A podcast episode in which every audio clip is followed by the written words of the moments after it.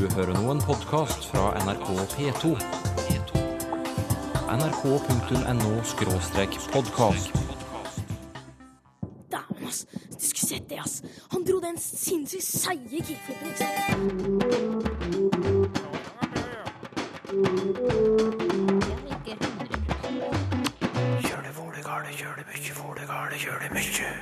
Retteprogrammer. Trenger vi dem? Eh, Kunstig intelligens klarer aldri å hamle opp med alle de variasjonsmulighetene som er i et språk. Det er en uniformering. Dialektene våre kan spores helt tilbake til 1200-tallet. En sånn forskjell som finnes i norsk i dag, som ser ut som, til å være så gammel, det er den at uh, trønderen har forstavinga o i nektinga, altså som i olikt. Nei, står det og kokkelerer, Sylfestlommen. Hva er det du lager? Dessert. Ja, så bra. Det er vanilje, det er piska krem, det er mye godt. Mm, hva slags dessert blir det, da? Det er iallfall slettes ikke ost. Nei, Det er noe helt annet. som jeg kanskje får smake på litt senere. Er du blant dem som irriterer seg over dårlig språkbruk og stavefeil i aviser og nettartikler? Mange journalister bruker retteprogrammer når de skriver en tekst. Og det kan jo av og til være godt å ha en slik digital hjelper når du f.eks. skal stave Gaddafi eller kneip, eller Eyjafjallajökull, eller dessverre. Eh, Det er S-V-E-R-R-E. D-E-S-V-E-R-R-E. D-E-S-S-V-E-R-R-E. D-E-S-S-V-E-R-R-E.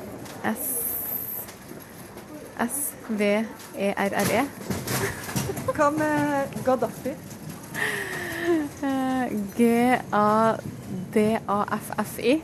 G-A-D-D Gaddafi med én F. Jeg leser utenrikspolitikk, vet du. Ja, om denne kvinna husker riktig, det kommer faktisk an på hvor hun har lest ordet Gaddafi. For hvert mediehus bestemmer sjøl hva som er riktig staving. Jeg fant eh, de her feilstavingene og det riktige på gata i Trondheim. Og som vi hører, noen har det meste på stell, andre har bruk for retteprogrammer.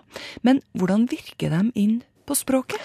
Ja, det er ikke så godt å si hvordan det vil påvirke dem i framtida, for det er ikke så veldig lenge enda at man har hatt eh, slike programmer tilgjengelig.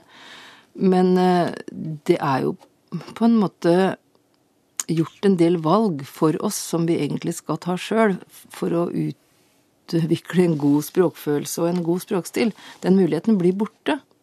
Det er en uniformering, og, og uniformering er sjelden av det helt gode hvis man ikke ønsker å styre. Så det er jo litt sånn eh, Big Brother-kompleks, altså. Ruth Vatvedt Tfjell, språkforsker ved Universitetet i Oslo, er ikke nådig. Det her liker jeg ikke. Men er det sant? Er retteprogrammene uniformering, eller er de gode hjelpemidler? Når jeg skriver en tekst på jobben, så kan jeg koble inn Tansa, som er det retteprogrammet NRK bruker. Jeg får opp ei liste over forslag til korrigeringer, og den må jeg godta for at teksten min skal bli retta. Kjetil Haug fra Tansa forteller om en vel rask manøver i avisa Østlendingen. Eh, Den som hadde gått gjennom teksten, hadde i hvert fall ikke lest eh, retteforslaga som Tansa hadde kommet med, og, og bare trykt OK og akseptert alle retteforslaga. Og da kom det ut på trykk eh, både på forside og eh, oppslag med store fonter, eller skrifttyper, og der sto det eh, Husmorfestivalen i Trøndelag. Og det skulle ikke være Husmorfestivalen, det skulle jo sjølsagt være Humorfestivalen i Trøndelag. Det var bilder av menn som gikk rundt og så videre, så det ble veldig feil. Et sånt system er jo avhengig av at du kan standardisere og lage automatiske valg, ikke sant. Men det er så komplisert. Språk er så komplisert at det trengs en menneskehjerne til for å gjøre det best mulig. I dag så er det sånn at eh, et knippe mennesker på Tansas kontorer i Østensjøveien i Oslo sørger for at maskinene retter tekstene i 85% av avisene her i landet. Ikke nok med det. Tansa retter både i øst og vest. Eh, og New York Times bruker Tansa, The Economist, The Hindu India, eh, Times of India. Vi har veldig mange fine navn på kundelista vår. Det går ikke bare på vanlige skrivefeil, men vi ser på ja, feil bruk av aksenter, mellomrom, eh, ikke minst navn. Eh, navn er viktig, og det ser vi ut fra de kundene vi har når vi går dem etter i sømma, så ser vi at de gjør veldig mye skrivefeil når det gjelder navn. Ja, kan du si hvordan skriver du Gaddafi, f.eks.? Nei, det spør du Dagbladet, så skriver de på én måte, og spør du ja, kanskje dekk, så skriver dekk på en annen måte. Så da må Tansa rette seg etter hva som er ønskelig i de forskjellige redaksjonene? Det gjør det. Sist vi kikka på det, så var det 147 forskjellige skrivemåter av det. Så det er helt vilt, egentlig. Ja. I NRK så skriver G-A-D-D-A-F-I. Ja, mens ja. noen skriver da med K, K-A-D-H-A-F-I, og noen bruker Q, osv. Og når jeg skriver Gaddafi med én D og to F-er f.eks., så sendes en beskjed til Tansa om at jeg har gjort en feil. Det som er så fint med det, det er at Kjetil sitter her med oversikt over de mest vanlige skrivefeilene i storparten av norske medier. Det, når det gjelder generelle rettskrivningsfeil, så er det 'i gang'. Eh, skrives i ett ord. Det, det korrekte er 'i gang' med, i to ord. Akkurat. Ja, Eller så har du sånn som ja, For øvrig skal det skrives ett eller to ord, men det er jo avhengig om kunden da følger riksmål, ikke sant? eller om den kjører bokmål. Så ja. på riksmål så er det riktig å skrive for øvrig ett ord, mens på bokmål så er det for øvrig to ord. Det er ikke lett det her, altså. Nei, det er ikke lett. ja, Men det her kan også brukes til å varsle språksjef eller redaktør om hvilke feil folk gjør. Og det betyr at man kan legge inn varslinger på ord man ikke ønsker å ha i sin bedrift. Nei, det kan være spesielle fyord du ikke vil ja, si nå, kanskje. Du vil ikke si det på radioen? Nei, altså det kan være ord som begynner på F og ja, i det hele tatt. Eller det kan være omtale om folk. Det kan være veldig mye forskjellig. Det her er det nifseste med retteprogrammene, syns Ruth Vatvedt Fjell. Ja, der har du det. Det er Orwell 1984, ikke sant. Så det er jo ikke noen som med åpne øyne kan ønske å gå inn i en sånn språkverden, vil jeg tro. Og, og det som jeg syns er det skumle eller det interessante med hele konseptet, er jo at man sier 'dette er feil, dette er rett'. Men hvordan vet de at noe er feil? Altså, hva er den feilforståelsen. For det, det, er jo ingenting er jo fast gitt i et språk. Det er jo relativt alt sammen. Og det er ut ifra en eller annen ja, konsensus mellom mange språkbrukere. Men det er akkurat der det farlige ligger. For da du får en slags konsensus gjennom en kunstig påvirkning på språkutviklinga gjennom et sånt program. Det sier språkforskeren, men eh, hva sier kunden? Lise Hansen er redaktør i ukebladet Hjemmet. Hvis vi, hvis vi, trykker to ganger på mellomromtasten, så blir det sånn opphold i teksten, ikke sant? Mm. Og det slår Tansa ned på. Det rydder Tansa opp i kontinuerlig. Ja. Og så ser han at det er uh, inkonsekvenser, og spør er du sikker på at du vil skrive det på en måte et sted og en annen måte et annet sted. Og den, eh, den passer på mange sånne, sånne sleive ting, da, som vi, eh, som vi, måtte sitte og rydde opp i. Lete oss igjennom teksten den gang vi leste korrektur på gamlemåten, ikke sant, og, og rydde opp i. Så det tok jo veldig lang tid, og nå, nå har den gjort grovjobben for oss. Men så er det sånn at hvis retteprogrammet Tansa er en slags Big Brother, eller en gud som dikterer journalistene, så skal ikke Big Brother føle seg for trygg, i alle fall ikke i hjemmet, for han blir sjøl overvåka. Fordi nå er jeg redaktør og ansvar for hele bladet, og dermed så blir jeg jo sittende og lese bladet, og jeg greier ikke å lese uten å korrigere. Så tenkte jeg ok, men da kan jeg jammen gjøre det da, da, tar jeg den jobben. Eh, og leser artiklene. Så du er et slags sånn levende retteprogram? Ja, det kan du si. Ja. Det sier Lise Hansen, som er redaktør i ukebladet Hjemmet. Du hørte også Kjetil Haug fra Tansa og språkforsker Ruth Vattet Fjell ved Universitetet i Oslo. Reporter Margrethe Nåvik er tilbake neste uke med historien om feminine og maskuline retteprogrammer. Ja, nå må vi ta grep og ha fokus i forhold til utfordringene og ta dem på alvor. Det er vi veldig opptatt av. En liten bukett klisjeer hentet fra politikken og sendt oss av irriterte lyttere som synes at dette blir for upresist. Språkteigen etterlyser jo eksempler på tåkete og vanskelig politikerspråk i valgkampen. En lytter mener handlingsregelen er et intetsigende ord som bør byttes ut, mens andre mener at enkelte begreper må vi bare finne ut av selv, faktisk. Flere skriver at det er for mye bomull og tåkeprat, men jeg ønsker meg eksempler, folkens. Hvem sa hva i hvilken sammenheng? Send til teigen krøllalfa nrk.no. Så til et lytterbrev fra Hans Andreas Starheim. Når fikk vi dialekter i Norge, spør han. Og ved NTNU i Trondheim finner vi en språkforsker som interesserer seg for slike spørsmål, Ivar Berg. Hvor langt tilbake i historien må vi for å finne de første tegnene på det som etter hvert skulle bli dialektene våre? Ja, allerede når vi begynner å få gode skriftlige kilder til norsk på 1200-tallet, så går det an å se noen sånne grove dialektområder med noen sånne små, små forskjeller mellom forskjellige deler av Norge. Mm, 1200-tallet. Altså, har, du har du et eksempel på et slikt tidlig dialekttrekk? En sånn forskjell som finnes i norsk i dag, som ser ut som, til å være så gammel, det er den at uh, trønderen har forstavinga O i nektinga, altså som i olikt. Der resten av land, land, landa har U, Mhm. ulikt. Og denne forskjellen mellom O og U der, den ser ut til å gange helt tilbake til 1200-tallet. Ja. Så, så, og så sier du at det, det dukker også opp noen andre slike små forskjeller. Men, men du mener at det er først på 1300-tallet de store dialektendringene kommer. Og hva betyr det egentlig? Ja, Det som det vi finner på 1200-tallet, det er sånn småplukk som går på noen sånne små forskjeller i lydverket. Men når vi kommer ut på 1300- og særlig 1400-tallet, så er hele språkstrukturen i stær endring. Og da finner du selve grammatikken endrer seg i mye større grad. Og du har òg at du kan få forskjeller i ord mellom landsdeler og slikt. Mm. Vi må ha et eksempel på, på en endring som kom på 1300-tallet, og som er grunnleggende for hvordan vi deler inn dialektene våre i dag. Har du det? Ja, Et sånn hovedtrekk som bruker i inndeling av dialekter i dag, er jo infinitivsendinga. Ja. Det gjelder andre, noen andre ordklasser slik da, men vi kan holde oss til infinitiv, for det er enkelt. Det var sånn at I gammelnorsk norsk så slutta det bestandig på A. Og det gjør det ennå på Sør-Vestlandet, Indre Sogn og sørover.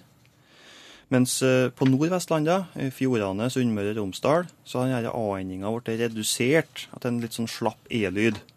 Ja. Og det er noe som sannsynligvis skjer på, ja, på, ca. på slutten av 1300-tallet. Mm. Mens Trøndelag og Østlandet har fått ei deling her. Sånn at uh, avhengig av hvor langt ordet var, infinitiven var på norrønt, så har de fått enten A eller E. Det er sånn at ord som var kort på gammelnorsk, så de har fått beholde A-endinga si, så du har østlandsk sova og leva. Mens de som hadde lang rotstaving på gammelnorsk, de har fått en redusert endingsvokal, så du kan ha kaste og snakke. Mens trøndersk da, de har i dette har kasta endinga helt, så, så sier å kaste og snakk. Mm. Men Så- å sove og love. Ja. Så dette er endringer som kom på 1300-tallet, og som vi har, ser i dag, og som definerer, er med på å definere hvor dialektene hører hjemme. Ja, denne overgangen fra A til E i endinga den begynner du å se på Østlandet sånn ca. 1300. Litt senere i, i Trøndelag, og så enda litt senere på Nordvestlandet, da, der de har fått reduksjon til E. Mm. Det har du for så vidt òg helt sør i landet i Østfold, Aust-Agder, og haft den der, har gjennomført E. Men du, Nå har du gitt et par eksempler på tidlige dialektforskjeller. Men hvordan kan vi vite dette? Altså, Hva slags kilder er det som kan fortelle at den og den dialektforskjellen oppsto da og da? Sånn, ja, særlig på 1100-tallet så har vi også en ganske rik litteratur i Norge. Det blir mindre av det etter hvert. Men det som er best kildene til det som går på dialekt, det er såkalt, diplom. En rett, rettsdokument til et eller annet slag. I praksis handler de ofte om gardhandel, for det var jo det folk var opptatt av. Og de noterer bestandig ned når de er skrevet, og hvor de er skrevet hen. Ja. Altså har du hjemfesting av dem som kan vise hva det språket hører hjemme hen. Og da kan du somtid finne ting der som viser at, at talemålet og skrivere er i endring. Ja, Men dette er jo skriftlige kilder. Hvordan kan vi vite at folk faktisk snakket sånn?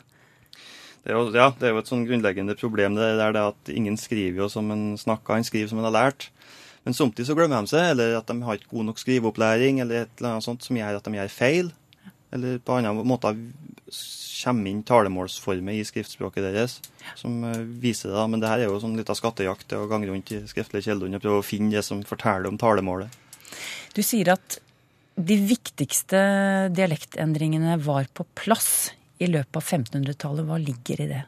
Ja, Når vi begynner å komme ut på 1500-tallet, så regner vi med at uh, de viktigste endringene fra gammelnorsk og til de moderne norske dialektområdene var gjennomført.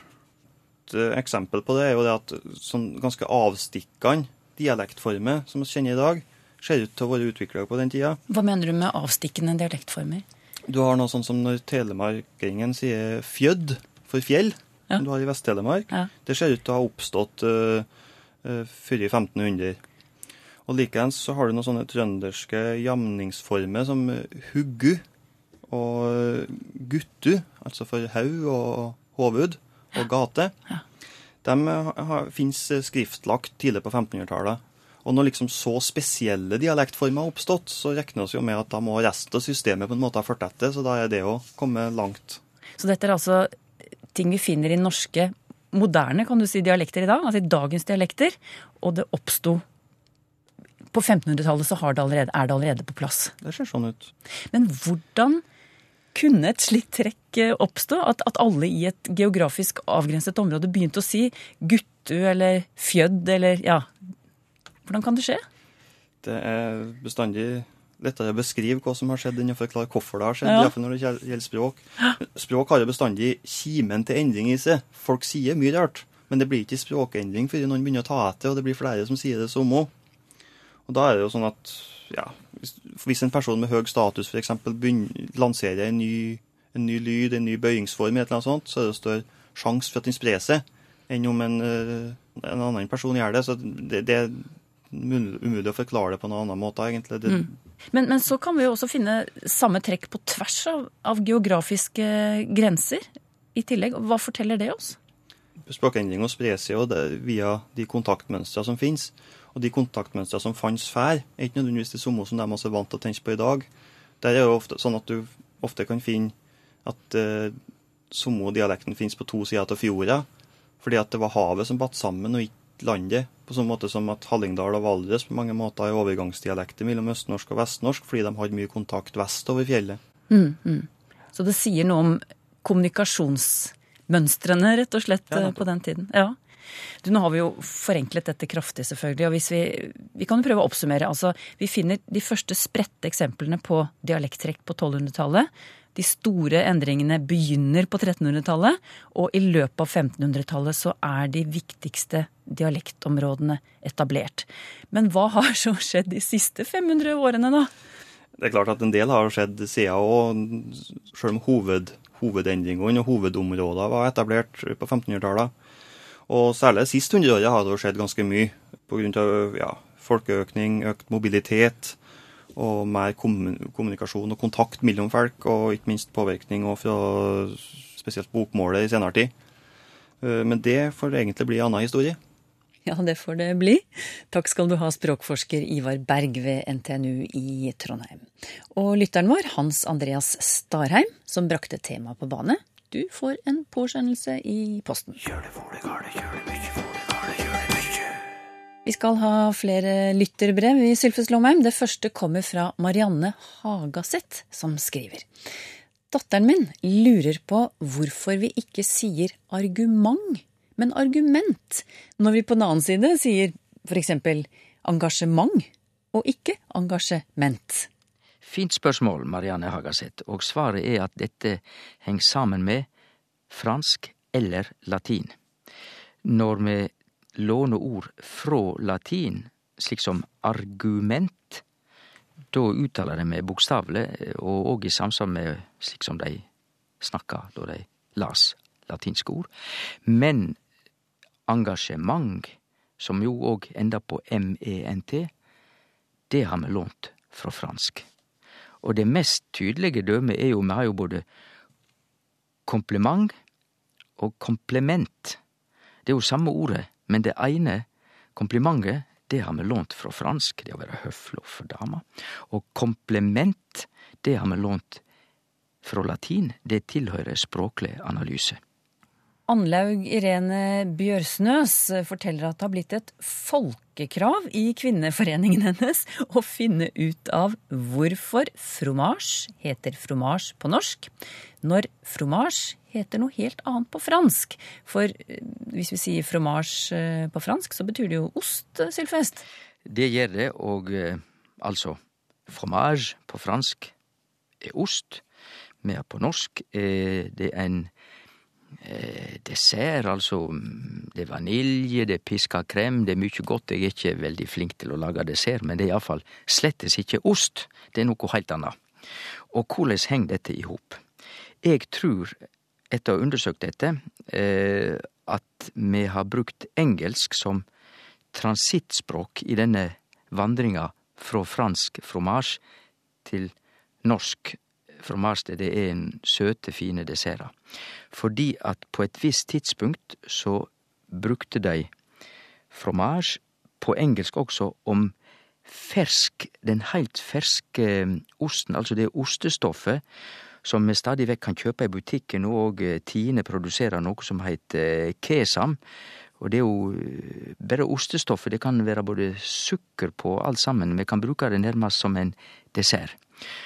Dette vart kalla da fromage på engelsk, og når vi har det nå i moderne norsk som fromage, og da er det slettes ikke ost, så er det rett og slett fordi at det er bare konsistensen og smaken som stadig vekk kan likne litt. Er røde tall negative eller positive, spør Otto Prytz, og fortsetter. I et bedriftsregnskap er røde tall negative, det skal stå minus foran dem. Men når en snakker om at termometeret viser røde tall, har jeg inntrykk av at det viser plussgrader. Hva er i så fall opprinnelsen til denne ulike betydningen av røde tall, spør han. Det er jo rett og slett at fargen rød har med mennesker både gode kjensler for og negative kjensler for. Eh, når det gjelder rød som positiv farge, det har vi i eh, Når det er røde tall på termometeret, da er det varme. Og det røde er også uttrykk for kjærleik. Kjærleik og varme, det er rødt, og rosene er røde. Men når det gjelder rekneskap, så er røde tall negativt. Da er det rødfargen som vi skal assosiere med fare. Og blod er jo ikke bare varme og kjærleik, men blod er også for menneskets naturlige situasjon, noe som er farefullt. Så rødfargen har en spesiell eh, status i fargeskalaen vår. Kirsten Viker Lunde trener på et eh, treningsstudio, og på veggen i dette treningsstudioet er det kroker til å henge treningsmattene på. Og over krokene står det, og hun har sendt oss et bilde for å dokumentere ja, det. Ja. Takk for at du hang meg opp. Og så spør hun skiller ikke folk lenger mellom hang og hengte? Og du må forklare ja, nei, hva som er riktig. Det har hun rett i at det er mange som ikke skil mellom dem, men det skal vi gjøre, for dette er et fenomen i den norske verbkategorien som vi kaller parverb. Altså vi har et verb som ser ut som det er det samme verbet, men det har to ulike funksjoner og to ulike bøyinger. Vi har nokre slike verb, og å hengja er et av dem. Når hengja tek objekt, så skal det bøyast som et svakt verb, og difor Du enn hengte kåpa di opp på veggen. Altså, du, du hengte kåpa di opp ja, på veggen. Ja, det er kåpa-objektet. Det er kåpa-objektet, ja. Mm. Og eh, mattene er jo òg eh, av samme kategori, fordi at eh, du hengte meg, altså matta, opp på veggen. Så det må være svakt. Du hengte meg opp. Så det er feil når det er oppslag om at eh, takk for at du hang meg opp, altså matta opp. Mm. Det skal være svak poeng. Men hvis ikke det er noe objekt etterpå, det er som språkfolka kaller intransitivt, altså utan verb. Da skal bøyinga være sterk. Etter at du har hengt opp kåpa, så heng kåpa der, og i går så hang kåpa. Kåpa hang. Mm. Og mattene hang på veggen. Nettopp. Ja. Du heng, hengde mattene opp, men mattene hang der. Kåre A. Menzoni har lest Teknisk Ukeblad og reagerer på bruken av ordet nærme. Nye Holmestrand stasjon får heis fra toppen av fjellet og ned til stasjonen, står det i Teknisk Ukeblad. Men heisen er bare for dem som bor nærme. Og så spør Kåre Amundsoni, er dette riktig?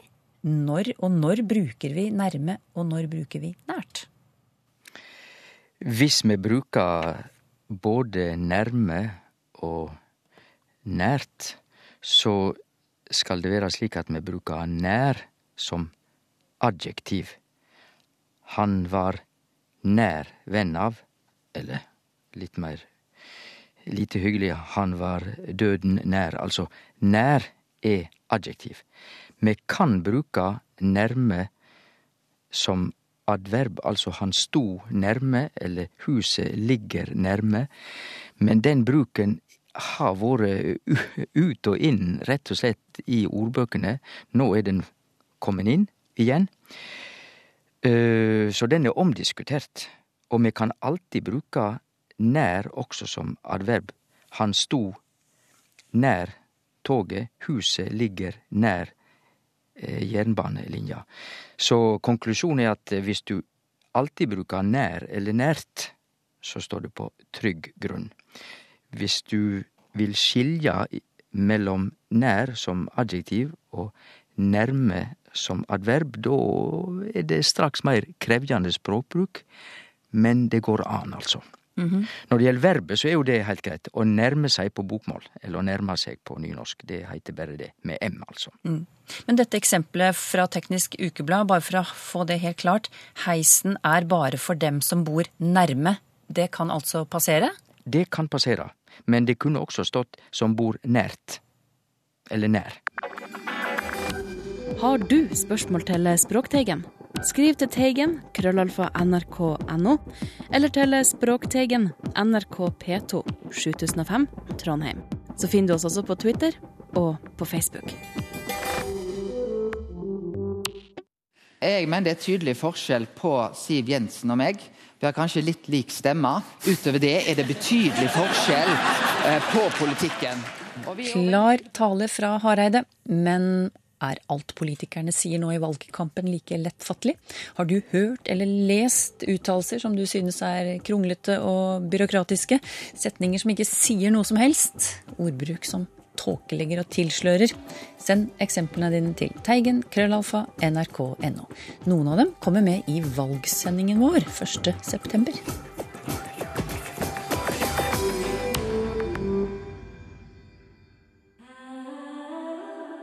nrk.no podkast.